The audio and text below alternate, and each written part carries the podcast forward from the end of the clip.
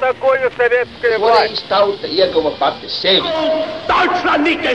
Liktenīgas nejaušības un slēptas likumsakarības, subjektīvas patiesības un objektīvi aizspriedumi.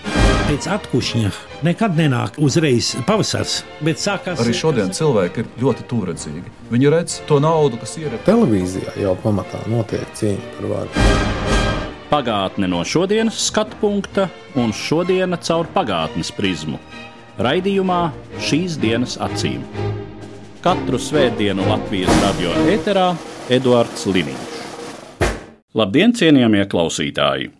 Nu jau vairākus gadus Vēstures izpētes un popularizēšanas biedrība organizē aptauju, kuras rezultātā tiek noskaidrots gada vēsturnieks. Un šogad 2021. gada, gada vēsturniece ir Ineta Lipša, Latvijas Universitātes Latvijas Vēstures institūta vadošā pētniece, un viņa ir šodien mana viesņa studijā. Labdien! Labdien! Tavu vēsturnieces darbību es pamanīju jau visai sen, kad īsti pats vēl arī Latvijas radio nenodarbojos ar vēstures tematiku. Un tā bija tava pirmā grāmata. Manuprāt, no tavas paudzes vēsturniekiem tev vienai no pirmajām parādījās tāda diezgan apjomīga monogrāfija un diezgan efektīga. Ar mākslinieka poikāna vāka noformējumu un saucās Rīga Bohēmas svarā. Tā laikam ir, ka tu visu mūžu esi pētījusi diezgan konsekventi vienu tematiku, kas ir intīmo attiecību ar to saistīto sociālo parādību. Tātad šī pamatā sadzīves problemātikas, tāda cilvēka dimensijas izpēte. Nu jā, mēs varētu teikt, ka tur ir vairāki tādi virzieni zem tā viena jumta nosaukuma, kas ir sociālā vēsture. Tad es esmu skatījusies, kā jau tu teici, sadzīve. Ikdienas dzīves vēsture, populārās kultūras vēsture, un seksualitātes vēsture. Tie impulsi nāca dažādos laikos, un sāku es ar to ikdienas dzīves vēsturi un tevis pieminēto grāmatu Rīga Bohēmas varā, ko es rakstīju vēl neatgriezusies zinātnē. Es vēl strādāju toreiz žurnālistikā. Tas bija 2002. gadā, tātad tieši pirms 20 gadiem. Šim virzienam tas iniciators bija Aivars Tarvits.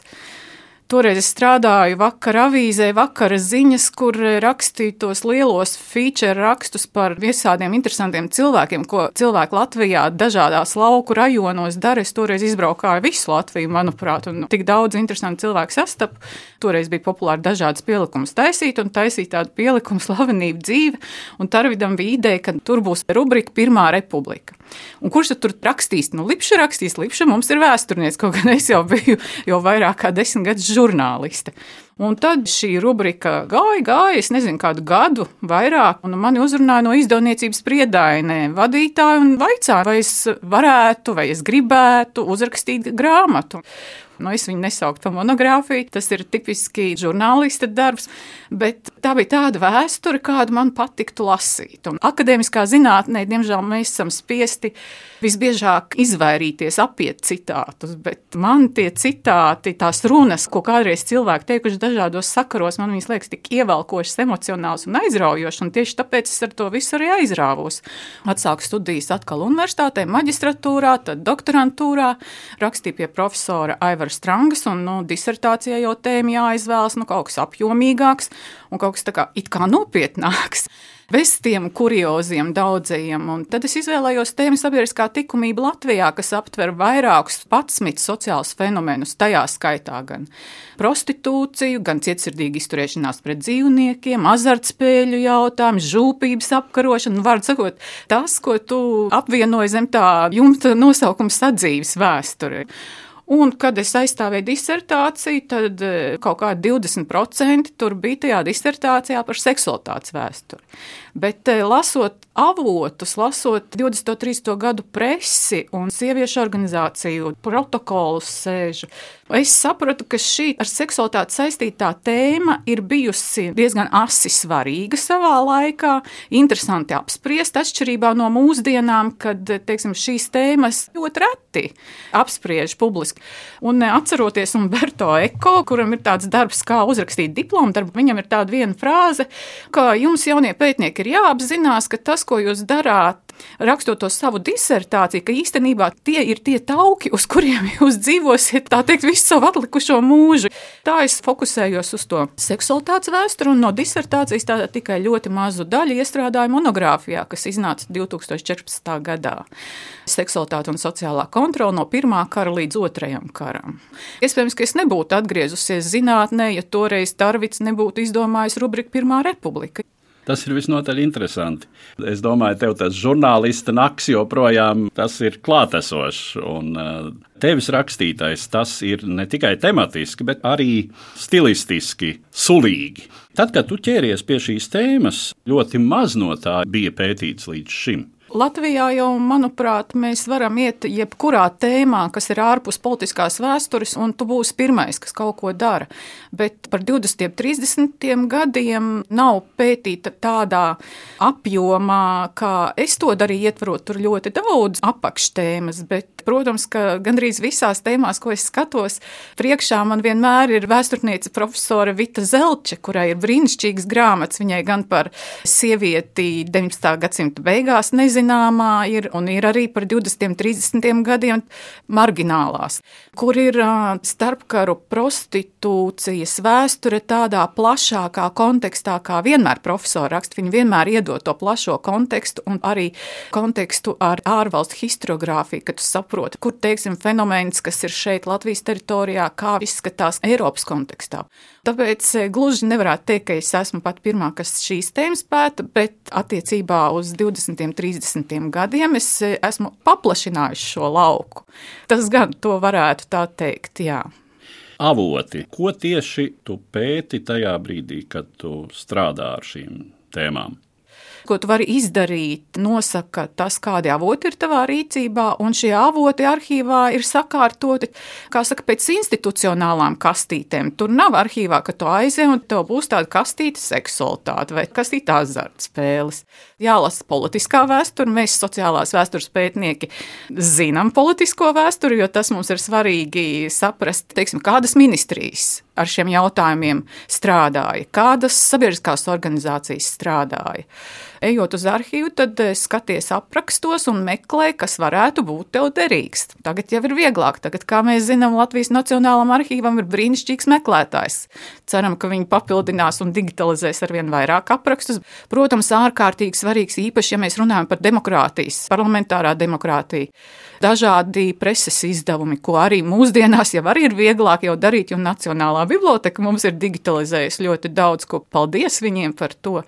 Kad es sāku, es jaunākās ziņas visas no pirmā līdz pēdējiem numuram izgāju cauri manuāli, kam ir ļoti daudz savu blakus plusu, jo es skatoties cauri, meklējot pēc tēmām, es vienmēr esmu pierakstījis, kas man jebkad varētu interesēt. Un man ir sava bibliogrāfija vairākās tādās lielās kladēs, kur ir mana jaunāko ziņu vēsture pierakstīta. Un es to ļoti ilgi izmantoju, un arī mūsdienās vēl tagad izmantoju. Galvenais jau vēsturnieku darbā ir dažādu avotu salīdzināšana, nepaļaušanās. Nu, respektīvi, tu strādā kā žurnālists un kā izmeklētājs, ja mēs varam to tā teikt. Avoti, protams, dažādi. Tagad es skatos šo pašu tēmu seksualitāti un sociālā kontrola padomi Latvijā arī blakus citām lietām. Arī šeit, protams, ir tie paši, pirmkārt jau sākot no ministrijām, ja, un tad, ko tur dažādi ierēģiņi atrakstās risinot problēmas, un dažreiz tie materiāli ir ļoti interesanti. Protams, krimināllietas, tiesu spriedumi. Droši vien partijas pirmorganizācija protokoli varētu būt interesanti, jo tur jau arī skatīja tā sacīt laulības pārkāpšanas, plēgurošanas, gan pirmorganizācijas, gan arodu organizācijas, gan visāda veida komitejas, kas pastāvēja padomi laikā. Bet tur jau atkal ir problēma tāda, ka 70. un 80. gados šie protokoli jau ir ārkārtīgi neinteresanti. Tie stenogrāfisti vai sekretārs, kas to visu pierakstīja protokolos, ja viņi 50. un 60. gados ārkārtīgi detalizēti pierakstīja, un tas ir ļoti, nu, kā saka, pērle vēsturniekiem, tad 70. un 80. gados ir grūti pētīt, un šeit jau nu, mēs nākam pie nākamā, pie mutvārdu vēstures pieejas, un ka mums ir jāsāk, ko kolēģi mutvārdu vēstures vēstures centrā jau dara, skatoties savas tēmas, ka viņi vāc šīs intervijas un jau par konkrētās tēmās padziļinātām, tāpat kā to mēs darīsim projektā, ko mēs sākām arī Latvijas vēstures institūtā šajā gadā par vienzimumu seksuālām subkultūrām padomu Latvijā. Mēs meklējam un jau esam atraduši dažus cilvēkus, bet vienmēr būsim priecīgi, ja kāds pieteiksies. Mūs interesē triju grupu cilvēkus aptaujāt, gan homoseksuāļus, sievietes un vīriešus, un arī cilvēkus, kas teiksim, bija darba kolēģi, bija piemēram brīvprātīgā kārtības sargu vienībā, kuri ir nodarbojušies arī ar šiem reidiem, vai bija draugi. Un vienalga mūs interesē gan pro, gan kontra. Ja? Nu, mēs gribam reģistrēt to, kāda varēja būt tā attieksme, protams, ņemot vērā avotu kritiku un visu, ko mēs atceramies un aizmirstam, visas atmiņas specifiku. Te jāpiesauc vēl viena grāmata, kas arī ir ļoti lielā mērā tavējā, un tā ir slēptā dzīve. Jā, pateicoties LGBT un viņu draugu apvienībai Mozaīka finansiālajiem atbalstam, pateicoties arī Kaspar Zālīša personiskai ieinteresētībai, kas arī mani mudināja, jo man kā vēsturniekam arī ir ļoti svarīgi just, ka ir cilvēki, kuriem interesē tas, ko tu dari, un ka tas ir īstenībā vajadzīgs, jo es jau to tā ikdienā nejūtu un nezinu, es nezinu, vai vispār kāds lasa to grāmatu, kas par Irbes dienas grāmatā, slēptā dzīve, homoseksuāla dienas grāmata, nu tur ir milzīgs paldies pašam Irbem, kurš daudzas stundas dienā veltīja šim darbam. Viņš pat melnrakstus ir arī rakstījis, un vienam gadam melnraksts saglabājušies. Viņš ir visu mūžu veltījis nopietnu laiku šim darbam, un paldies, protams, Aināram, kurš kā mantinieks neizmet. Pirms pieciem gadiem sanāk jau 2016. gadā Facebookā kad es tur biju padalījusies ar tādu mazu ierakstu poļu vēsturnieka par operāciju Hyacinta 85. gadā Polijā, kur homoseksuāļus e, visus valsts mēģināja reģistrēt un bija reģistrējuši 11,000 cilvēku. Un es padalījos ar to mazo rakstiņu, un es pierakstīju vienkārši tādu piezīmi, ka nu, būtu labi vismaz kaut ko zināt par padomu Latviju. Un, un uzrakstīju Messengerī, Ainārs tad dots, man ir vesela dienas grāmata, ka ja jūs tās neķītrības gribat lasīt, es jums varu, nu, protams, Un tad, kad noskaidrojās vispār, ka tā dienas grāmata ir rakstīta jau 27. gadā, pirmie ieraksti un tā pamatīgāk jau no 30. gada otrās puses rakstīt līdz 96. gadam, kad viņš nomira. Tas vispār bija fenomenāli. Nu, es viņu lasīju cauri, un es sapratu, ka nu, tas ir materiāls. Ne tikai tāpēc, ka šeit ir tas seksualitātes aspekts, kas, protams, mums vispār nav tāda veida avots šeit, bet ne tikai tāpēc, jo tas ir, es pat teiktu, mazākā daļa no šīs dienas grāmatas. Seksualitāte tur, es teiktu, nu, ir 20%, 25% varbūt bet tur viņš dokumentē, kā ienāk okupācijas vara, kā nostiprinās šī padomjas sistēma. Viņš neslēp savu riebumu pret to. Iebrauc šeit cilvēki, kā mainās publiskā telpa Rīgas centrā, kādas izskatās publiskās toaletes, kāda izskatās parki, kādu valodu mēs dzirdam uz ielām, kā latviešu valodā ienāk šī krievu mata valoda. Viņš strādā tautas tiesā par izpildītāju, kas izpilda piedzena dažādus piespriestos sodus, alimenti vai nu vienalga kādu. Un viņam bija centra rajons, un viņš staigā pa šiem komunāliem dzīvokļiem, un viņš ir vienkārši ārprātā. Par to, ko viņš redz, kādā stāvoklī ir tie dzīvokļi, kā tie cilvēki dzīvo. Un viņam tā, es atceros, pēc mazai kā mantra, tad, kad pie viņiem jūrmalā, nu viņš ir dubultnieks, sāk jaukt eh, nost privātās mājas, tātad laikam tas ir 60. gadu sākums, 50. gadu beigas un ceļš uz bloku mājas, un viņš raksta, kaut man Dievs pasargātu no tās dzīves kauguru geto, kaut mana māja mājiņa izdzīvotu. Tā dienas grāmata tas ir kaut kas ne tikai homoseksuāļu vēsturē Latvijā, bet tas ir arī politiskai vēsturē svarīgi, ikdienas vēsturē svarīgi. Tas ir vienkārši ļoti, ļoti unikāls avots, un es priecājos, ka pirmo sējumu mēs esam izdevuši, un šobrīd strādājam jau pie otrā. Un kā Kaspars Zālīts teica, viņam ir tā doma, ka mēs varētu nākamgad izdot otro sējumu arī ar komentāriem, bet nu, tas būs arī tikai līdz 60. gadam. Es varu teikt, ka 60. gados ir vēl interesantāk. Teikt, man liekas, ka ar katru desmit gadi kļūst ar vien interesantāk un interesantāk. Vienkārši neticami tas ir. Un kas par Aleksandru Irbes dzīve paša apliecina, cik svarīgi ir izdot grāmatas, jo viņš padomu laikā lasīja, viņš norobežojās pilnīgi no padomju rakstniekiem, un viņš lasīja latviešu starpkaru daļu literatūru, un viņš lasīja ārzemju, Rietumē Eiropas līdz otram pasaules karam izdoto. Vēlreiz atgādinot to, kas ir pamatā šīs grāmatas nosaukumam, ka vīriešu homoseksualitāte kā tāda Latvijā bija kriminalizēta. Viņam bija patiešām jāslēpj šī sava seksuālā orientācija, baidoties no kriminālas vajāšanas. 92. gada 1. martā stājās spēkā augstākās padomas grozījumi krimināla kodeksā, kas atcēla šo pantu. Un no 46. līdz 91. gadam Latvijā ir notiesāti 303 vīrieši par šo.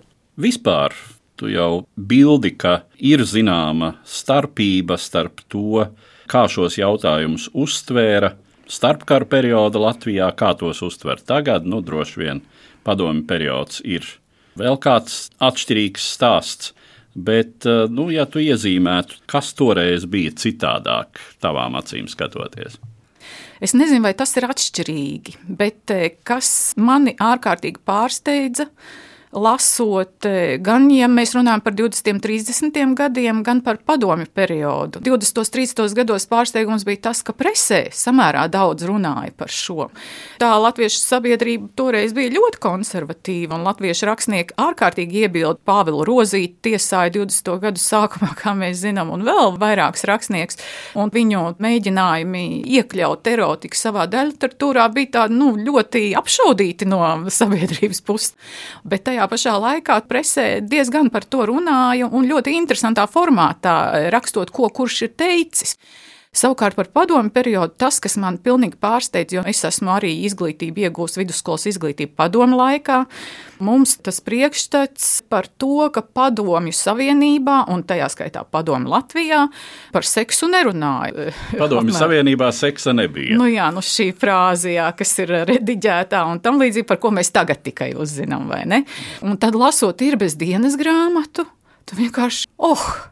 Izrādās, ka šī seksuālā kultūra, ja mēs runājam gan par vienzimumu, gan par pretējā dzimumu, un īpaši publisko telpu, tātad e, zem klajām debesīm, meža parkā, jūrmalas kāpās un visur, izrādās, ka plauka un zēle siltā laikā, protams, seksuālā kultūra zem klājas debesu, tas, ko mēs seksualitātes vēsturē sakām, publiskā seksa kultūra. Un, protams, ka te ir daudz dažādu faktoru, kas arī to veicināja, piemēram, Rīgas jūrmalā, ja mēs runājam par padomu periodu, un šīm daudzajām sanatorijām, kas te atradās, kur no visas padomju savienības brauca. Pārsvarā viņi brauca ar darba vietu ceļazīmēm, un šīs ceļazīmes jau neizsniedza ģimenēm. Šīs ceļazīmes izsniedza vai nu vīram, vai nu sievai, un zinātnieki, kas pētījuši padomu kino vēsturi, viņi jau saka, ka jau padomu kino jau 30. gados ir jau tāda metāfora, mēs varētu teikt, kurorta romāns. Un padomu periodā Rīgas jūrmalā šie kurorta romāni arī zēle un plauka, un tad mēs iedomājamies pa telpām. Tu viesnīcas numuriņā visbiežāk dzīvo ar kādu kopā, nu tu nedrīkst tur nevienu, es tu vispār nedrīkst viesnīcā nevienu kreiso ievest. Un tā tad jūs ar to partneri noskatīto, jūs meklējat telpu ārpus viesnīcas, un kur tad jūs tur jūrmalā varat atrast. Un, Krūmiņos. Un, un tas bija tas, ko arī ir dokumentējis Kaspars Aleksandrs Irbe, jo nu, viņš pie visa vēl bija vuāris, tā ka mēs caur viņu iegūstam tādu ieskatu ne tikai vienzimums seksuālā subkultūrā, bet arī pretējā dzimuma seksuālā subkultūrā. Un šī cilvēka dzīves joma pārsvarā jau paliek nedokumentēta. Tur seksapatologi kaut ko dokumentē, bet tur vienmēr klāt ir šī slimība, it kā tā patoloģija. Bet šeit mēs redzam, redzam, nu, ikdienišķi cilvēki. Tad tā sajūta ir tāda, lasot dienas grāmatu, ka patiesībā publiskajā telpā seksualitāte bija daudz klātesošāka nekā mūsdienās, vai arī varētu teikt tā, ka mūsdienās tā ir klātesoša medijos. Bet iespējams, ne reālajā dzīvē, nezinu.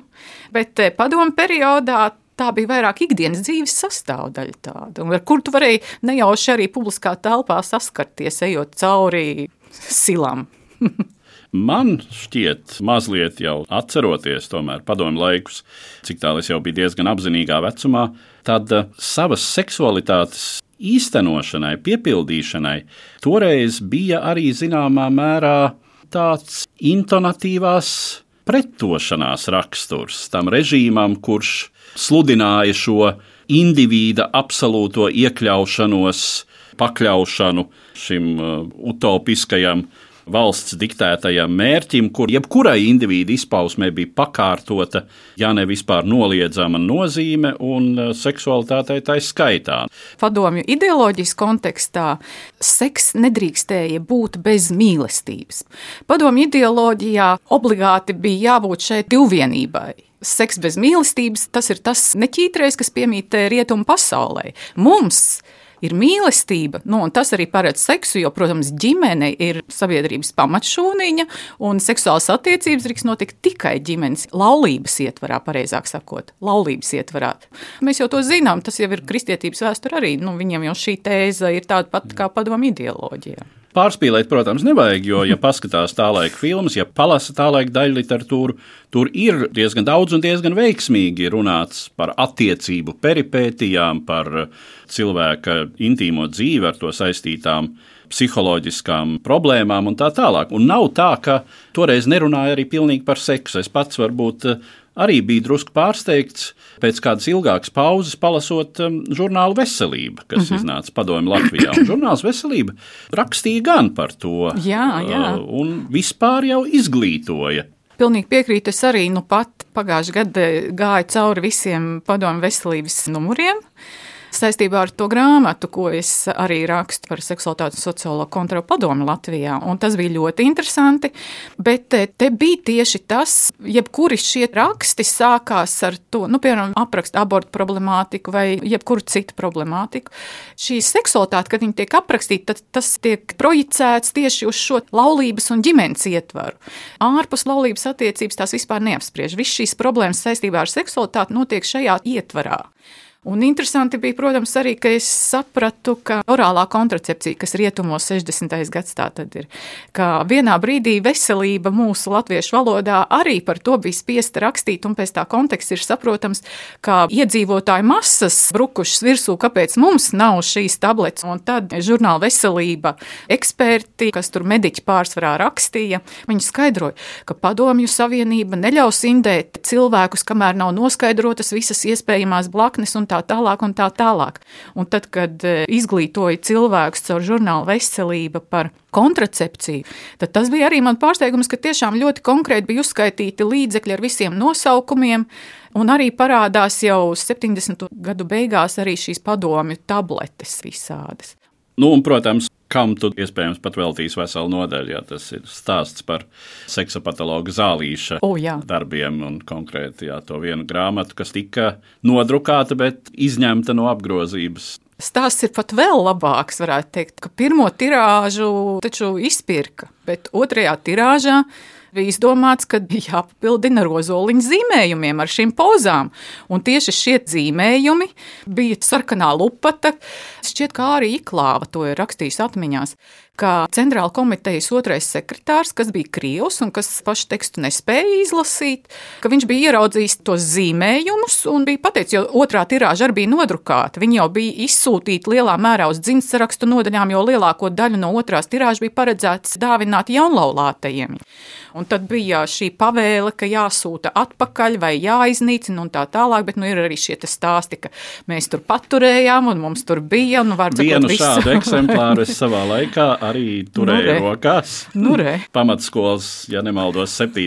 klasē, kad kādam no maniem klases biedriem bija mājās šāds kaut kur iegūts eksemplārs, kas bija liels dārgums, un tas bija arī bibliogrāfisks retums, jo es Jā. saprotu, tos, kurus atpakaļ atsūtīja, jau droši vien samala Jā. un, un iznīcināja. Tā esot bijis, jā, jā. Bet, nu, redz, tas zālīšu gadījums atkal ir interesants konteksts salīdzinām ar Lietuvu. Jo zālīšu grāmatu Lietuvā 80. gados, sākot no 83. 4.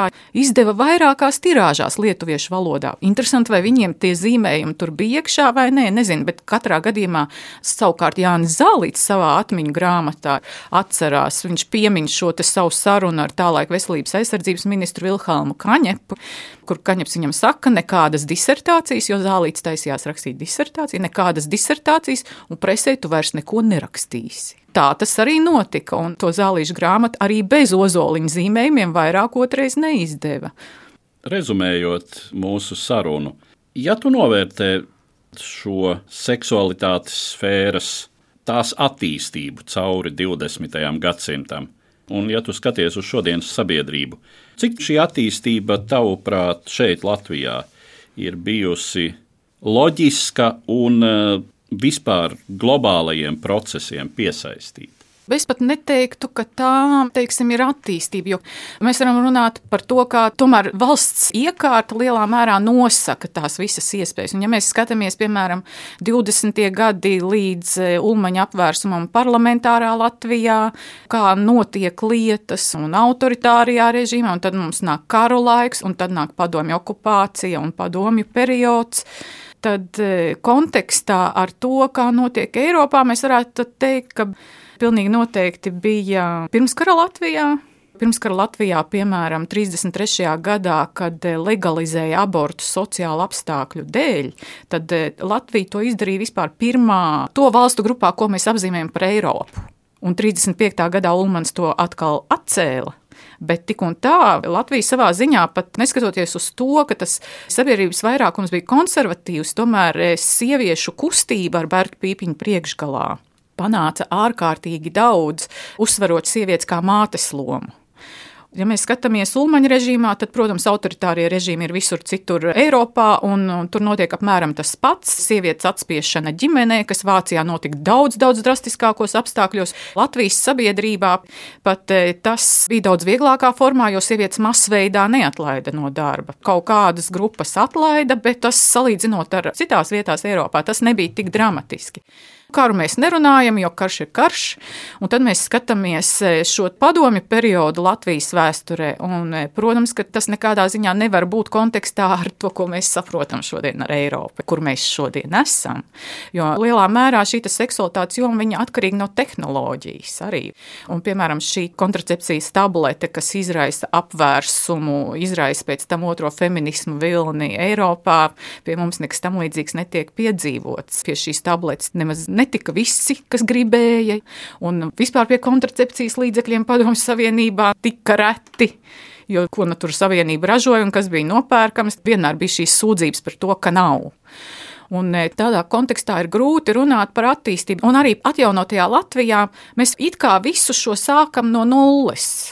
Man liekas, sabiedrības kaut kādos periodos vārās tajā katlā, viņas ir sasniegušas kaut kādu līmeni, bet pēctecības, pārmantojamības nav. Karš pārauj to, kas bija pirmskara Latvijā, padomju savienībā notiekošais. Viņš atkal nu, nonulē visu, un mēs atjaunotā Latvijā faktiski sākām visu šo no jauna, jo, jo nebija arī tās demokrātiskās pieredzes. Tad mums bija visādi žurnāli un nezinu, kas bez melniem vāciņiem. Taču bija tāda brīvība, ka uh, vai ne?